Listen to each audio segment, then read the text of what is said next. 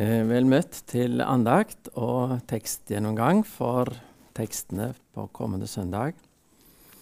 Vi begynner med å synge nummer 667 i salmeboken. De to første versene før andakten. 667.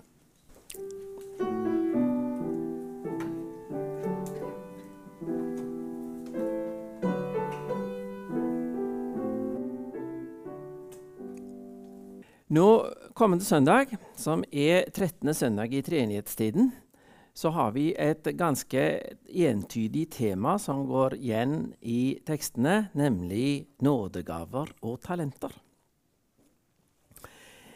Dette er jo ord som er såpass preget av sin bibelske bakgrunn at slik de brukes på norsk i dag, så har de hentet sitt innhold fra denne søndagens tekster. Og det er jo et godt utgangspunkt. Men først et lite blikk på den gammeltestamentlige leseteksten, som på søndag er hentet fra Salme 92. Og der har vi ikke sånn terminologi i det hele tatt. Det er en salme som takker Herren for hans godhet og trofasthet, bl.a. slik den ytrer seg hos den som holder seg nær til ham. Og jeg leser fra eh, slutten av teksten. De rettferdige skyter opp som palmer. De vokser seg høye som sedrer på Libanon. De er plantet i Herrens hus og blomstrer i forgårdene hos vår Gud. Ennå i alderdommen bærer de frukt. De er friske og frodige. Slik forkynner de at Herren er rettskaffen. Han er min klippe. Det er ingen urett hos ham. Dette er slutten av leseteksten. Men det vi har på, på, søndag, er en såkalt brutt tekst. Det er noen vers som siteres i begynnelsen av salmen, som jeg ikke leste. og Så hopper en over noen vers, og så leser en disse. Eh, det som hoppes over, det, det, er kanskje vel så interessant. For der brukes det noen bilder eh, som de som har laget teksttrekkene, antagelig har funnet upassende i en norsk høymesse. og Det er ofte litt interessant å gå etter. Hva er det som ikke passer? Der står det følgende.: Du gir meg kraft som en villokse og salver meg med den friskeste olje. Det kan man jo forstå. Det er ikke så stort rom for villokser i norske høymesser. Den nytestamentlige leseteksten er hentet fra 1. Korinterbrev 12, nådegavekapitlet. Det er en interessant tekst både når det gjelder plassering og innhold. I menigheten i Korint var det åpenbart litt mer villokser. Og Paulus hadde store problemer med å holde styr på dem, og må belære dem om både det ene og det andre. Ikke minst var det problemer med samhold i menigheten. Og Gjennom fire kapitler, fra kapittel 11 til kapittel 14, skriver Paulus om hvordan de kan feire gudstjeneste på en måte som fremmer samhold og ikke splittelse i menigheten. Den veiledningen er mest konkret i kapittel 11 og kapittel 14. Men mellom der setter han inn kapittel 12, som handler om fellesskap i ulikhet, og kapittel 13 om det som er felles for dem alle, nemlig et liv som realiserer den ubetingede guddommelige kjærligheten. Søndagens lesetekst, som er kapittel 12, vers 4-11, den lyder slik som dette. Det er forskjellige nådegaver, men Ånden er den samme. Det er forskjellige tjenester, men Herren er den samme. Det er forskjellige kraftige virkninger, men Gud er den samme, Han som er virksom og gjør alt i alle. Hos hver enkelt gir Ånden seg til kjenne slik at det tjener til det gode. For ved én og samme ånd blir det gitt én å tale visdom, en annen å formidle kunnskap, én får ved den ene ånden en spesiell trosgave, en annen får nådegaver til å helbrede, og én får kraft til å gjøre under. Én får den gave å tale profetisk, en annen å bedømme ånder, én får ulike slag av tungetale, en annen kan tyde tungetale. Alt dette gjør den ene og samme ånd, som deler ut sine gaver til hver enkelt slik han vil. Slik står det. Nådegave syns jeg er et litt merkelig ord. For det er et ord som sier det samme to ganger.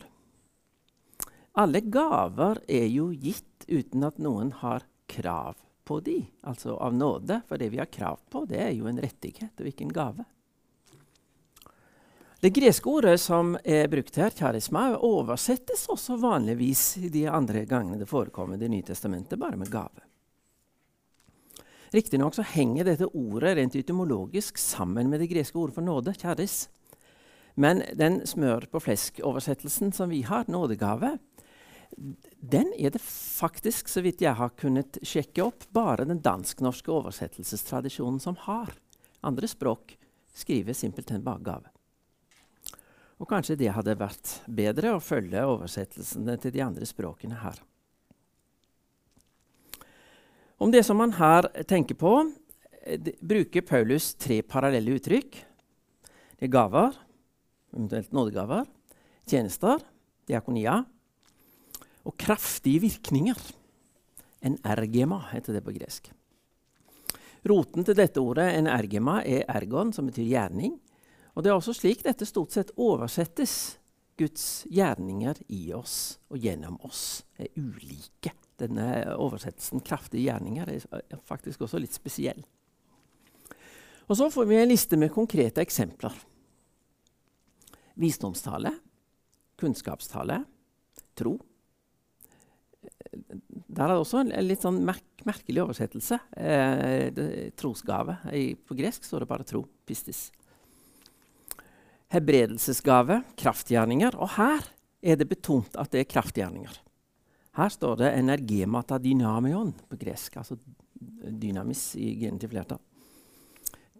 Kreftenes gjerninger. Profeti, det å skille ånder. De har krise i sprematon. Tungetale, og det å tolke tungetale. Vi har en lignende liste i Efeserbrevet kapittel 4, men den er påfallende mye kortere. Der står det om apostler, profeter, evangelister, hyrder og lærere. Altså Hele det karismatiske, blomstrende i Korint er borte. Det var åpenbart ikke så mange villokser i Efesos som i Korint. Men Paulus er jo påfallende lite opptatt av graden av det karismatisk ekstraordinære i Korint, selv om de åpenbart hadde sitt å ta av på det punktet. Hans poeng er at dette blomstrende mangfoldet det må holdes fast i en felles forståelse av at det er den samme ånd som ytrer seg i alt dette. Den som har den ene gaven, skal derfor ikke heve seg over den som har den andre. Og Jeg syns Paulus får det veldig tydelig fram ved at dette avsnittet er innrammet av to på påpekninger av at målsettingen for det mangfoldige åndens virke alltid er det samme. For det første leder åndens gjerning alltid til bekjennelsen av troen på Jesus. Ingen kan si Jesus er Herre uten i Den hellige ånd, står det i det verset som står rett før den teksten som jeg leste. Det mest presise og konkrete uttrykk for Åndens nærvær er altså bekjennelsen av troen på Jesus som Herre. Og Oppfordringen til å streve for å få de største gavene munner ut i Paulus sin utleggelse i kapittel 13 av det som man kaller for den enda bedre veien, nemlig kjærligheten. I Jesusbekjennelsen og i utøvelsen av kjærlighetens gjerninger der er forankringen og målsettingen for Åndens virke. Så lenge de forankringene er på plass, så, så, kan de konkrete uttrykkene godt leve og blomstre i, i et romslig mangfold. Evangelieteksten den er hentet fra Matteus kapittel 25. Dette kapitlet og det som kommer foran, utgjør Jesus' siste store tale i Matteusevangeliet, og den handler om de siste tider. Kapittel 25 den består av to lignelser. Først eh, om de kloke og uforstandige brudepikene. Og så evangelieteksten om talentene. Og så den avsluttende fortellingen om den endelige dom, når menneskesønnen skal skille geitene fra eh, sauene. Lignelsen om talentene den forteller om en mann som dro utenlands og overlot alt han eide, til sine tre tjenere. En fikk fem talenter, en fikk to, og fikk, den tredje fikk én talent.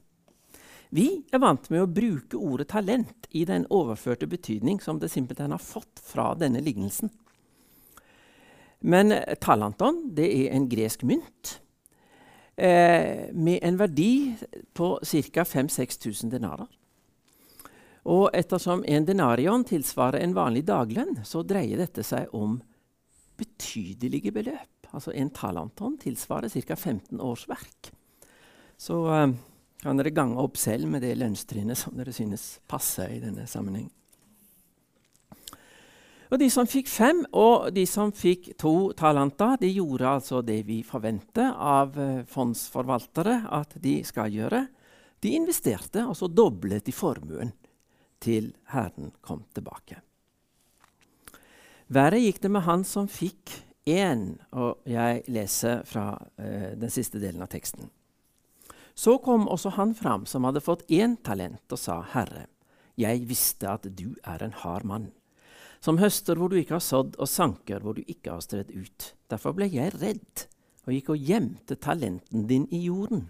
Se, her har du ditt. Men Herren svarte ham, du dårlige og late tjener.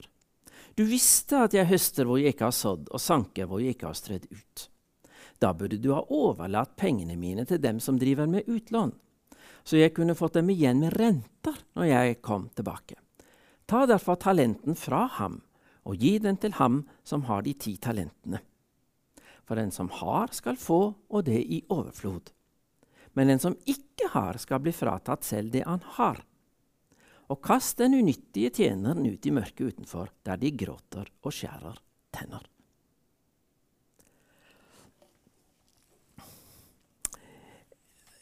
Vi er ikke riktig vant med å møte Jesus sånn som dette er. For her forteller Jesus om en som var nådeløs med den svake og den uforstandige, og Jesus har ingen innvendinger. Vi har alle våre gaver og talenter, og dem skal vi bruke. Fortellingen som kommer etterpå, de, om de som hadde gitt vann og brød til de de omgikkes, og avsnittet fra 1. Korinterbrev kapittel 12, den sier oss også noe om hvordan.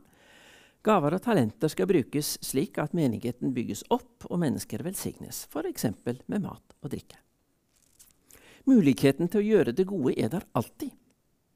Å finne noen av de mulighetene er vanligvis ikke så vanskelig. Den som lar disse mulighetene gå forbi, har ingen unnskyldning, og Jesus er ganske nådeløs i sin vurdering. Ta det han har, og gi det til dem som kan bruke det til noe fornuftig, og hiv den unyttige tjeneren ut i mørket. Mulighetene var der, men de ble ikke brukt. Og nå er det for seint. Jesus er ganske så kontant i denne lignelsen. Livet er en gave, og det skal brukes. Gjør en ikke det, er livet fortapt, muligheten er forspilt, og den kommer ikke igjen. Nå har Jesus i andre sammenhenger også noe å si om håpets og nådens mulighet for den som kommer til den erkjennelse av at livet er forspilt, om, eh, om det enn skjer nokså sent. Men det er ikke det Jesus sier i denne teksten. Kanskje vi da skal ha mot til å la det bli stående som Jesu ord til oss på denne dagen. Din neste trenger deg. Bruk derfor livet slik at det blir til glede og velsignelse for dem du omgås. Gjør du ikke det, har du ingen unnskyldning. I dag vil det være for seint, og da er livets muligheter fortapt. Ikke stell deg slik at det blir fortellingen om ditt talent. La oss be.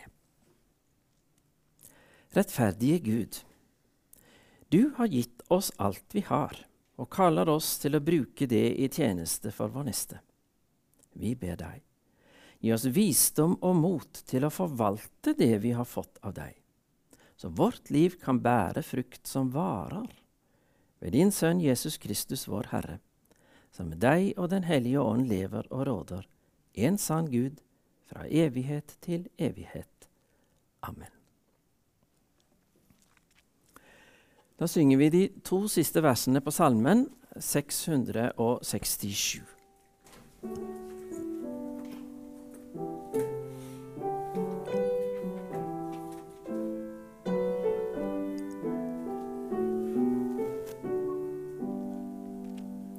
Ta imot velsignelsen. Vår Herre Jesu Kristi nåde, Guds kjærlighet og Den hellige ånds samfunn være med dere alle. Amen.